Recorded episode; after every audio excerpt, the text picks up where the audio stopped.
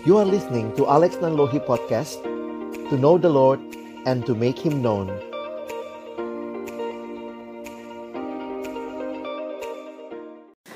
Halo teman-teman, ketemu lagi di MBD Mesti banget dengerin. Iya.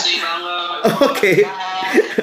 Dan kali ini masih dalam suasana um, online nih gitu ya. Jadi senang nih bisa tetap terhubung dengan teman-teman dan sudah ada malam ini. Uh, halo Bang Ernest, selamat malam. Halo, selamat malam. Wah, walaupun nanti yang dengerin mungkin pagi kali ya. Gak apa-apa. Halo Kare. Halo semua. Saya jadi bolak-balik nih manggilnya abang, kakak begitu ya. nah, uh, kali ini kita cuman bertiga, tapi kita juga mau sama-sama ya ngobrol hal-hal yang mungkin juga akan jadi manfaat buat kita kali ya di tengah-tengah kita ini pada kebingungan juga nih. Udah berapa hari nih kita kerja dari rumah, belajar dari rumah, tinggal di rumah begitu ya. Nah, um, gimana nih Kak Kak Ray yang sedang mungkin uh, menggumulkan hal ini gitu ya. Boleh boleh share nggak ke teman-teman apa yang jadi concern kali ini?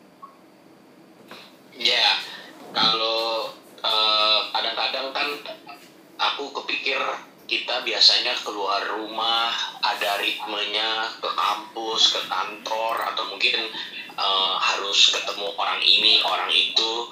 Nah sekarang giliran nggak keluar, giliran nggak harus ketemu langsung. Nah kadang-kadang bingung uh, gimana nyiasatin uh, melakukan tugas dan tanggung jawab malah kadang-kadang justru malah jadinya mager kaum rebahan. Jadi nggak nggak kekejar hal-hal yang mesti dilakukan. Nah jujur aku juga tipenya yeah, begitu. Yeah. biasanya tuh kalau kerja di luar rumah. Kalau di rumah itu tinggal istirahat jadi tinggal jadi kayak orang sakit ya. tinggal uh, apa ya main gitu. Jadi rumah itu bukan tempat kerja gitu. Rumah bukan tempat yang khusus buat menyelesaikan tugas atau tanggung jawab itu semua di luar rumah. Nah sekarang ketika kondisinya kayak begini nih, hmm, hmm. itu lumayan kagok juga nih kayak gitu. Gak tahu kalau yang lain gimana pengalamannya? Gimana Ernest mungkin yang uh, ini di rumah apa di luar rumah Nas? di rumah. Oh, Oke. Okay. Gimana pengalaman lo yang berapa hari ini lo apa sih yang lo rasain gitu?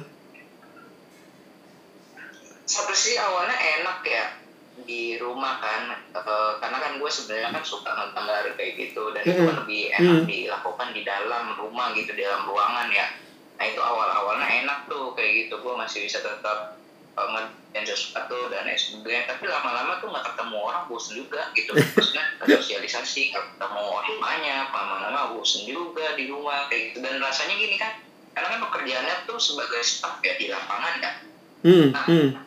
waktu nggak kerja tuh keluar rasanya kayak ih tanggung jawabnya hilang nih. Betul iya iya. bagaimana nih kayak gitu jadi tapi kan kayak kayak lu kan seneng gambar gitu itu itu lebih seneng di dalam rumah tapi nggak mau terus terusan juga ya. Iyalah. Uh, uh. kalau kalau kayak gitu nih pengalaman dengan teman-teman selama lagi masa-masa seperti ini nih. Boleh nggak sih kita coba share juga apa yang teman-teman coba susun gitu ya? Kan ya itulah kekuatan manusia kita makhluk yang gampang dan cepat beradaptasi. Walaupun mungkin awalnya sulit tapi kan kemudian mulai tuh mencoba melihat ritme udah sekian hari nih kerja dari rumah, gimana nih mesti pelayanan, mesti KTB, mesti apa. Nah, gimana teman-teman menyiasatinya atau mungkin juga bisa berbagi tips kali ya dari apa yang teman-teman uh, lihat atau baca atau juga baca dari uh, dengar dari pengalaman teman-teman yang lain. Gimana tuh uh, Bang Ray? Oke, kalau aku uh, sebenarnya kan prinsipnya aku keinget dari di Efesus 5 salah yeah, satu yeah. Uh, ciri uh, salah satu ciri murid-murid Tuhan Betul. adalah menjadi orang yang uh, bijak dan salah satu cara atau bentuk orang bijak adalah pergunakanlah waktu yang ada karena hari-hari ini jahat itu berbicara tentang Hmm. menggunakan kesempatan Iya. taking advantage of every opportunity. Itu Hmm. terjemahan di NIV atau NET Eh, jadi bukan hanya sekedar masalah menggunakan waktu tapi menggunakan kesempatan. Nah ini kan kesempatan. Nah, eh, kita bisa di rumah lebih lama Hmm. dengan segala kesempatan ini. Nah gimana nih kita mau eh, ngerjainnya? Jadi prinsipnya sebenarnya aku sih berusaha menghayati gunakan kesempatan ini nah itu yang jadi challenge lah masih Iya. sama-sama belajar juga Mm-mm. Kalau Kak Ernest sendiri gimana ngelihat apa yang yang sedang terjadi atau bagaimana refleksimu gitu ya terhadap situasi seperti ini? Eh, wah harusnya sih sebenarnya enak ya dalam artian Hmm. karena kita dalam waktu kurang lebih dua minggu gitu ya diberikan waktu tuh eh, kosong secara dalam artian kita nggak perlu keluar ngabisin waktu di jalan dan lain sebagainya Hmm, hmm. Nah itu bukan berarti eh, kita tuh bisa satu sisi yang eh, santai-santai padahal tuh Hmm. itu itu bukan waktu yang eh, dibilang lama tuh ya lama tapi dibilang cep, dibilang terlalu lama pun juga enggak itu waktu yang cepat Hmm, seperti itu hmm. karena di dalam waktu dua minggu itu tuh ada banyak hal yang bisa kita lakukan dalam hal eh, mengupgrade diri baca buku mungkin ataupun ada beberapa Hmm. hal yang mungkin sampai itu kita pengen pengen latih kayak gitu atau pengen lakukan sesuatu tapi nggak pernah nemu waktunya nah ini waktu dua minggu tuh bisa tuh lu lakukan hal-hal seperti itu tuh Iya. nah harusnya sih memang digunakan dengan baik sih seperti yang tadi apa kata Ray ya Hmm. Waktu itu kan semua pemberian Tuhan ya. Dan kita kan waktunya terbatas di dalam dunia ini. Pasti ada Hmm. ada akhirnya masa waktu kita. Walaupun nggak kelihatan lagi kita diburu-buru oleh tanggung jawab tapi bukan berarti eh, nggak ada nggak memanfaatkan waktu dengan baik. Tapi satu sisi eh, ya Hmm. gue setuju sih kayak gitu dengan yang Ray juga bilang. Bukan berarti dengan kalau misalnya eh, kita memanfaatkan waktu tuh bukan berarti ini waktu lagi kosong tuh salah kayak gitu Iya, iya. nikmati ya sisi kayak gitu beristirahat tapi bukan berarti istirahat kita tuh digunakan uh, untuk Hmm. hal-hal yang nggak nggak apa ya namanya ya nggak Nggak berguna. pada hal yang seperti itu gitu Yang yang kayak kita di gini nih bikin podcast berguna gitu ya.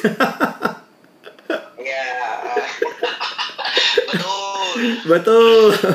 Nah, tapi gini nih, kan ini bukannya sama sekali juga nggak ngapa-ngapain kan? Karena misalnya teman-teman siswa tetap belajar, katanya belajar online dari rumah. Lalu teman-teman mahasiswa juga belajar dari dosen uh, online, pakai laptop semuanya. Lalu kemudian yang kerja juga kan tetap di rumah bekerja gitu. Gimana nih Ray melihat uh, kondisi seperti ini? Uh, ada sharing nggak dari teman-teman siswa atau mahasiswa dari kalau siswa nanti Ernest yang mungkin bisa share ya gimana yang adik-adik siswa ngelihat apa yang sudah dilalui kalau mahasiswa kayak gimana Ray? Iya, kalau beberapa teman kan mungkin kampusnya libur cuma dua minggu. Nah, Iya. ada beberapa teman-teman dari kampus yang liburnya itu udah dipastikan sampai akhir semester. Oh wow, iya iya. Masih bakal kosong sampai bulan Mei. Itu pun Wow. lanjut lebaran sampai bulan Juni dan mungkin baru beraktivitas kita normal lagi tuh di semester berikutnya. Wow. Aku tahu itu pasti eh, mungkin seminggu pertama sujud syukur, tapi berikutnya itu juga bingung juga tuh mau mau gimana. tuh. Kalau udah masuk bulan kedua, bulan ketiga bukan sujud lagi ya. Nah, eh, mungkin gini kali ini pak, ini aku sharing dari pengalaman lah. Iya.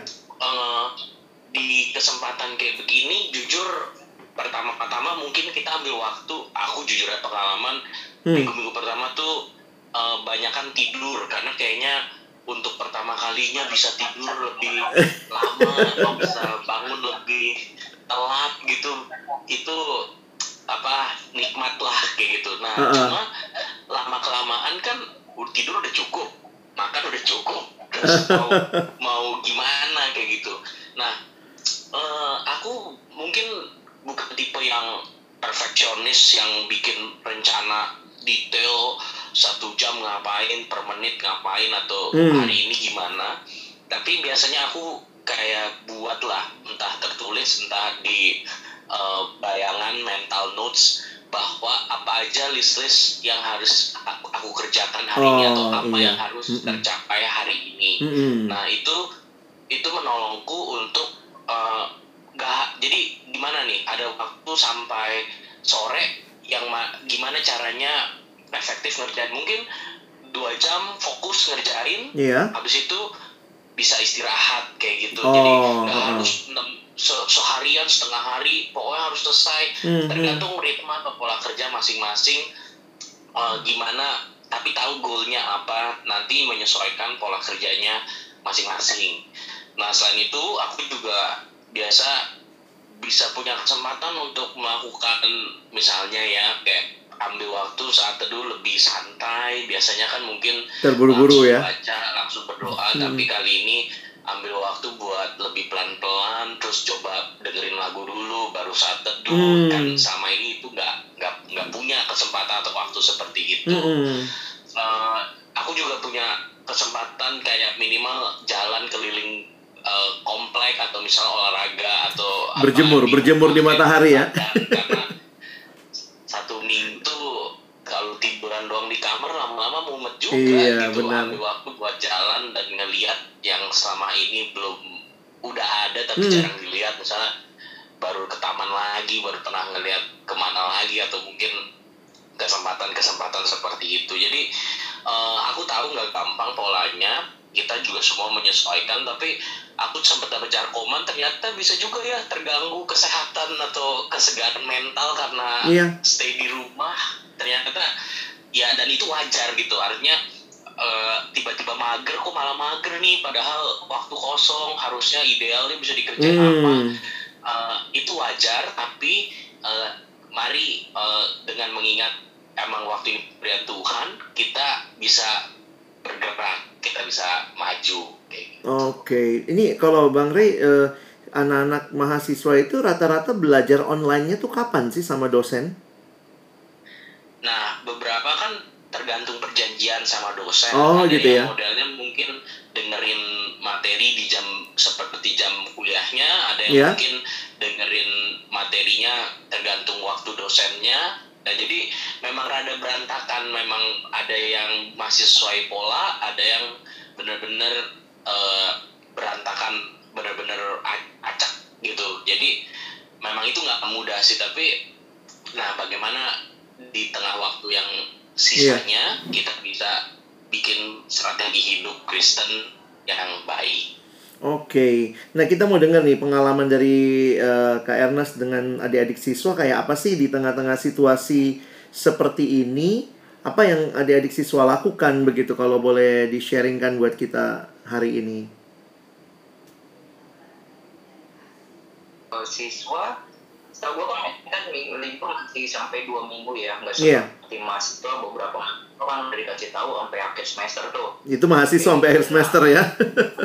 ya itu mahasiswa ah, kayak gitu nah kalau siswa udah di dalam waktu dua minggu ini tuh tugasnya banyak banget sih mereka kayak gitu mereka dikasih Hmm. tugas banyak banget banyak pula terus juga PR ini PR itu kayak gitu gitulah jadi mereka sebenarnya nggak nggak kosong kosong amat tapi tetap Iya. nggak kosong lah kayak gitu waktunya nah sisanya mereka yang lain ya ada yang beberapa ya tetap keluar kayak gitu. Tapi lebih banyak stay di rumah sih. Iya, mungkin orang tua juga takut ya. ya kayak gitu. Jadi ada juga yang mereka bingung. Harusnya kan ada jam-jam ibadah sekolah kayak gitu kan. Mereka Hmm. tapi mereka nggak ada ibadah sekolahnya. Akhirnya mereka minta ke beberapa pembicara kayak gitu untuk memberikan Hmm. materi dan lain sebagainya untuk ngisi kekosongan nah beberapa sih seperti itu ya. Beberapa lagi ada lagi yang tergabung dalam kelompok kecil. Mereka kelompok kecil tetap secara online dan lain Oh, sebagainya oke. Mm-mm. kayak gitu. Nah nah itu yang mereka lakukan. Tapi gua satu sisi makin sadar sih ya. Waktu apa tuh eh, dua minggu nih kan di di rumah kayak gitu kan. Hmm. belum dua minggu kan baru seminggu kan. Tapi gue makin sadarnya gini sih eh, memang ada yang bilang kan work from home kayak gitu. Nah masalahnya job desk gue tuh nggak ada gitu maksud gue job desk jobnya nggak ada. Kalau misalnya oh Nas lu bikin gambar ini oh Nas lu bikin desain ini kayak gitu. Nah itu tanggung jawab dong kayak gitu. Iya. Eh, mau kerja di mana bebas. Nah tapi ini kan gue nggak ada yang mengharuskan seperti itu kan. Nah, ini Mm-mm. kalau gue buat pun karena rela seperti itu. Nah tapi gue makin sadar tuh eh, iya ya sebenarnya tuh manusia diciptakan bekerja gitu loh. Jadi waktu lagi gak ada kerjaan apa-apa nih gue kasih nih dua minggu seminggu nih nggak ngapa-ngapain. Bingung mereka tuh kayaknya ada yang hilang deh. Hmm. Begini-gini doang ya. Yang kayak gitu-gitu. Nah satu sisi gue makin sadar eh, hal itu hal itu tuh. Walaupun jarang banget nih ada kejadian kayak gini dari seluruh hidup gue dua minggu libur karena wabah tuh Iya. benar-benar dikosongin gak pernah ada terjadi kayak gitu. Tapi waktu terjadi baru sadar tuh kayak gitu. Oh iya ya ternyata manusia tuh butuh kerja juga kayak gitu. Hmm. memang mesti seimbang. Tapi gue satu sisi ngeliat ini juga adalah waktu apa ya opo eh, ada kesempatan di sini sih opportunity-nya juga di sini. Hmm. ini kejadian mungkin sekali seumur hidup gua kayak gitu. Mungkin iya bu karena sekali akan baik gitu. Belum tentu ada dua minggu lagi yang seperti ini. Iya. kayak gitu nggak boleh keluar rumah kayak gitu itu dan lain sebagainya. Satu sisi ada yang bertanya ini berkat apa butuh ya ya mungkin keluarnya kayak gitu. Tergantung cara ngelihatnya ya. Hmm. cuman ada beberapa orang-orang yang yang pasti tuh yang skripsi yang ngurusin tugas akhir itu pasti, pasti pada stres semua tuh yang tuh Ya, kebingungan. Lain semua semua tuh. Iya kebingungan Iya. Tuh. Thank you Kak Ernest. Nah, kalau bicara seandainya nih, kita teman-teman eh, kita ini tipe tipe-tipe orang kan beda-beda gitu ya. Kayaknya memang akhirnya mesti kenalin tipe diri kita gitu ya. Untuk bisa me, apa ya? Makanya aku belajar ingat satu prinsip. Sebenarnya nggak ada tuh istilah mengatur waktu. Wah, menarik juga waktu dengar kalimat itu ya nggak ada istilah mengatur waktu loh. Kenapa nggak ada istilah mengatur waktu? Karena prinsip dasarnya waktu itu sama. Tiap orang dikasihnya 24 jam. Nggak ada yang lebih, nggak ada yang kurang. Dalam anugerah Tuhan yang lain, misalnya kayak harta, lalu kemudian eh, kepintaran, itu bisa beda-beda tiap orang. Karena Tuhan berikan sesuai dengan kehendaknya bagi tiap orang. Tapi kalau sudah bicara waktu, wah nggak ada. Mau dia muda, dia tua, dia kaya, dia miskin, dia ganteng, dia jelek, gitu maaf ya. Tapi semuanya dikasih waktu yang sama. Jadi sebenarnya bukannya waktunya yang harus kita atur karena waktunya sama. Semua orang dapatnya 24 jam. Yang harus kita atur adalah sebenarnya diri kita menggunakan waktu itu. Karena itu menarik nih ya, di Iya. dalam satu bagian eh, yang pernah aku baca dia mengatakan actually time management is actually life management, how we manage our life. Dan ya mungkin ini bisa jadi masukan juga buat teman-teman jangan merasa karena bisa dua dua dua aspek yang muncul ya. Satu ngerasa kayak kelebihan waktu, nggak tahu mau ngapain. Yang yang satu pun mungkin akan tetap melihat eh waktu gua ini nggak nggak ada nih. Eh, yang satu ngelihat kekurangan waktu, yang satu mungkin ngelihatnya kelebihan waktu. Maksudnya itu ya. Jadi dua-dua aspek itu jadi jadi menarik untuk sama-sama kita eh, pikirkan apakah kita termasuk orang yang seperti apa. Nah, itu tergantung bagaimana kita mengatur diri kita. Nah, kalau Kak Ray sendiri ada masukan lagi nggak? Mungkin tips-tips untuk teman-teman yang sedang self isolation untuk kita semua, untuk yang lagi work from home, apa yang kira-kira bisa juga eh, diingat atau kita remind gitu ya? Silakan, Kak Ray. Eh, ya kalau ini mungkin terdengar klise tapi sebagai orang yang meyakini bahwa hidup ini milik Tuhan dan eh, pekerjaan itu Tuhan berikan sebagai hakikat manusia bukan akibat dosa Iya. seperti yang tadi Kak Ernest bilang, aku meyakini kesanggupan kita menggunakan waktu itu dasarnya tetap spiritualitas karena pekerjaan, tugas, tanggung jawab itu spiritual thing gitu loh. Itu bukan hal yang terpisah, hal duniawi yang eh, perlu kita pakai cara uh, me- jadi saat teduh ya saat teduh tapi kalau bagian ngerjain tugas itu perlu pakai hikmat dunia bagaimana mengatur Ah, ah. kita pelajari dari hikmat dunia tapi sebagai orang yang meyakini bahwa uh, semuanya itu dari Tuhan Hmm. aku ingat 1 Korintus 10 ayat 31 ya kalau kita makan kita minum uh, itu adalah semua untuk memuliakan Iya. Tuhan jadi uh, mohon maaf mungkin terdengarnya menggampangkan tapi sama sekali bukan menggampangkan Iya. masalah tapi kalau teman-teman kita mau mulai menjalani Hmm. hari-hari yang terkesan unstructured dan bebas ini eh, aku bilang awali hari dengan penyerahan diri kepada Tuhan Tuhan hari ini aku mau memberikan waktuku untuk Tuhan gitu apa yang Tuhan ingin aku Hmm. bisa kerjakan atau ingin aku bisa capai hari ini. Dan yang Tuhan inginkan ternyata bukan cuma ah, nanti teman-teman akan dapatkan mungkin nggak cuma tentang hari ini kamu harus selesai ini ya selesai ini ya selesai ini ya. Mungkin ada waktunya Tuhan bilang coba ngobrol sama ketemu sama ini udah lama Tuhan tiba-tiba Tuhan ingatkan gitu iya ya ada waktu kosong udah lama nggak kontak ini atau ih udah lama ya nggak melakukan hobi ini dan coba buat makan siangmu sendiri gitu udah lama nggak pengen makan udah lama nggak pengen coba bikin makan Iya, sendiri iya, iya. gitu dan ternyata Tuhan kasih apa ya sukacita atau eh, rasa rasa puas karena cobain itu hari itu dan ternyata itu menyegarkan jadi eh, atau mungkin karena kamu kelelahan salah satu hal rohani yang Tuhan minta ya udah istirahat hari Iya. ini tidur sampai ada siang. Kan nggak masalah juga tidur sampai siang terus setelah gitu sisa hari mau gama- gimana gitu. Aku Iya. rasa kayaknya kalau tidur satu harian bener-bener 24 jam tidur kayaknya eh, mus- itu hati-hati juga deh kayaknya nggak mungkin sampai begitu.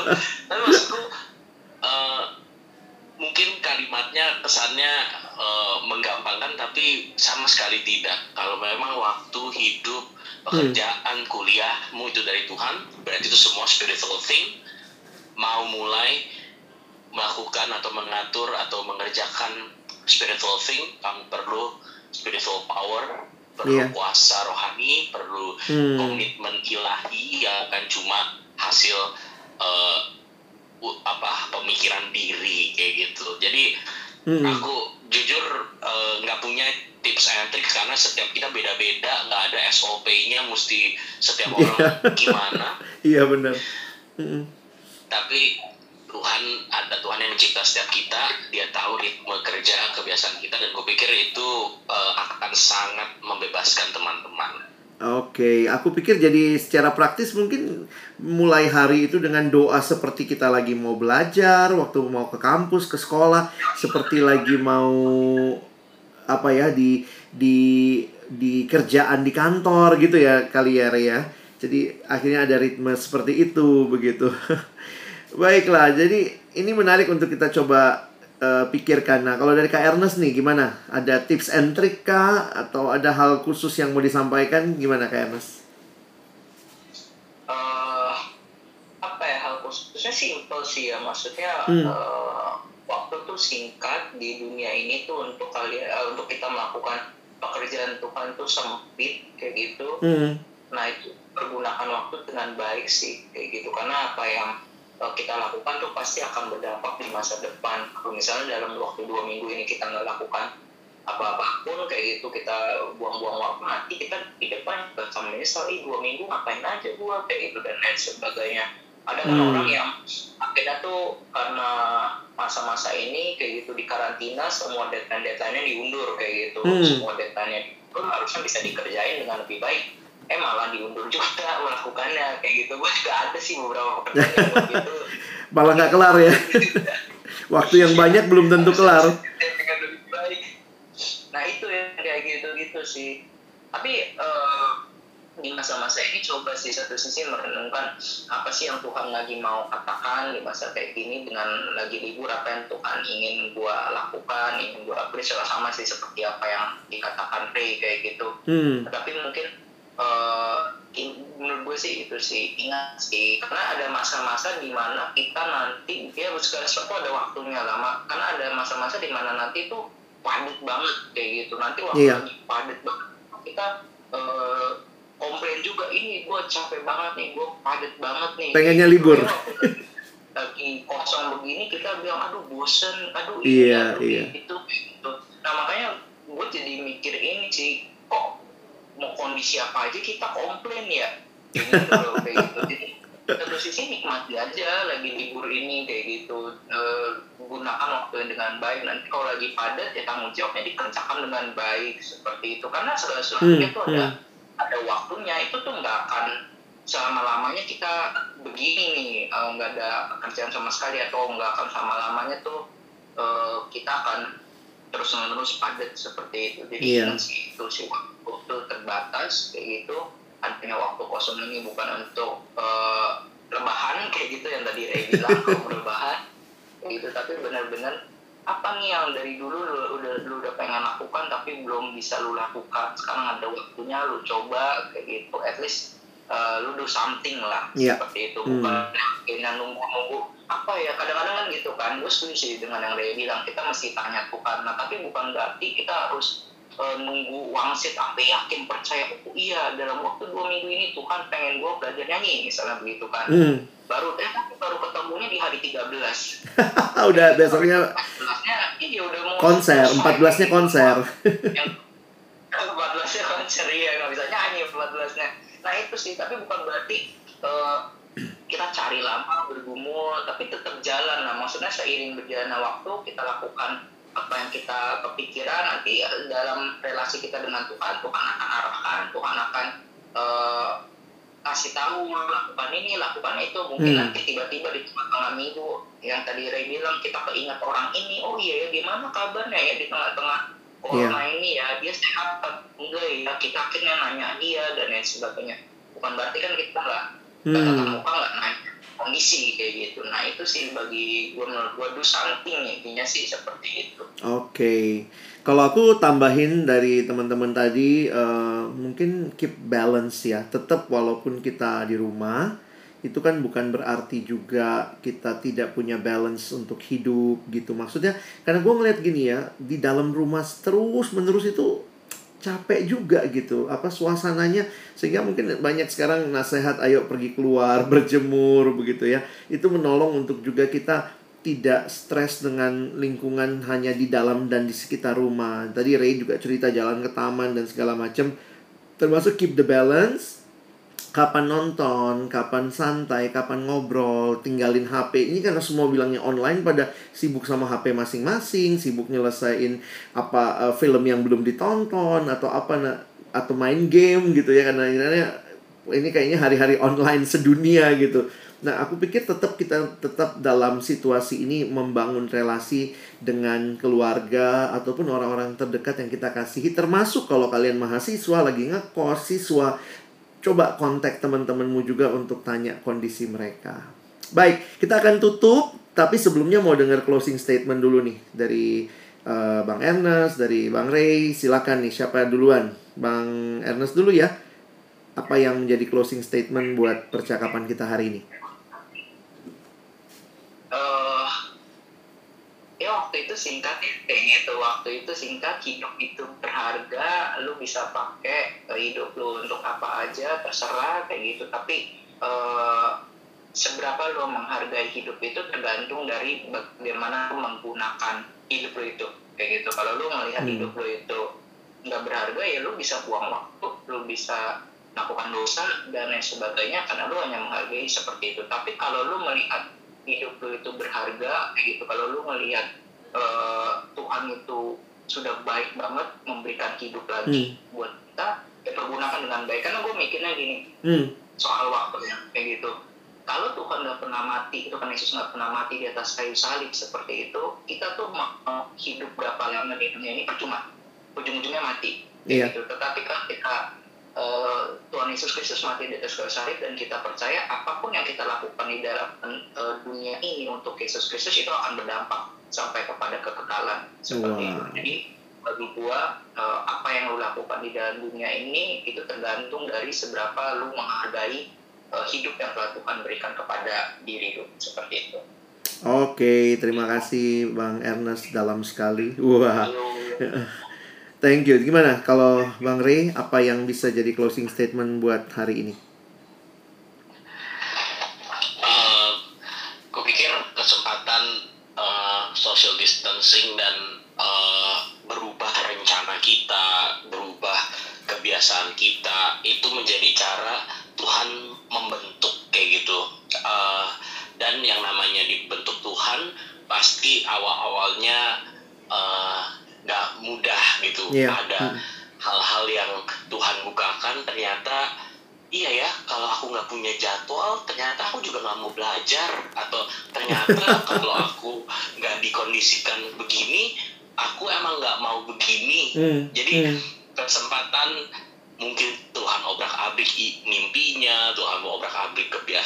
Yeah. Tuhan obrak abrik caranya dengan kesempatan harus mengalami uh, wabah uh, virus COVID seperti ini hmm. menjadi cara kita semakin uh, Roma 8 ayat 28 yang mengasihi Tuhan dan yang mengasihi Tuhan segala hal Tuhan pakai untuk membentuk kita semakin serupa dengannya. Jadi ambil waktu untuk give thanks, untuk bersyukur dan mencoba melihat bagaimana apa sih yang Tuhan mau sampaikan apa yang mau Tuhan bentuk karena menurutku bukan cuma Tuhan bukan cuma sekedar mau kita nyelesain tugas tapi hmm. ada yang mau Tuhan bentuk dari pengalaman ini don't miss it gitu jangan okay. sia-siakan kesempatan ini thank you banget uh, Bang Ray jadi teman-teman uh, indah banget ya hari ini. Tadi Kak Erna sudah ingetin hidup itu singkat. Kalian baru saja menghabiskan 30-an menit mendengarkan podcast kami. Lalu kita mau belajar apa nih dari Tuhan? Tuhan lagi mau ngajarin apa nih lewat situasi ini? Nah, teman-teman dalam masa-masa seperti ini juga um, saya sertakan di bagian description perhatiin ya ada link-link yang teman-teman bisa akses teman-teman bisa terus bertumbuh. Ada YouTube dari Perkantas, ada YouTube dari saya, ada ada uh, beberapa bagian yang saya sertakan. Teman-teman bisa lihat ada banyak download, bisa download eh, video-video maupun khotbah-khotbah yang bisa menolong teman-teman terus bertumbuh. Sehingga waktu-waktu yang ada ini akan kita bisa pakai untuk terus bertumbuh di dalam Tuhan. Oke. Baik teman-teman, sampai sekian dulu edisi MBD hari ini. Jadi MBD mesti banget didengerin. Mesti banget. Oke, okay, thank you. Sampai jumpa. Bye.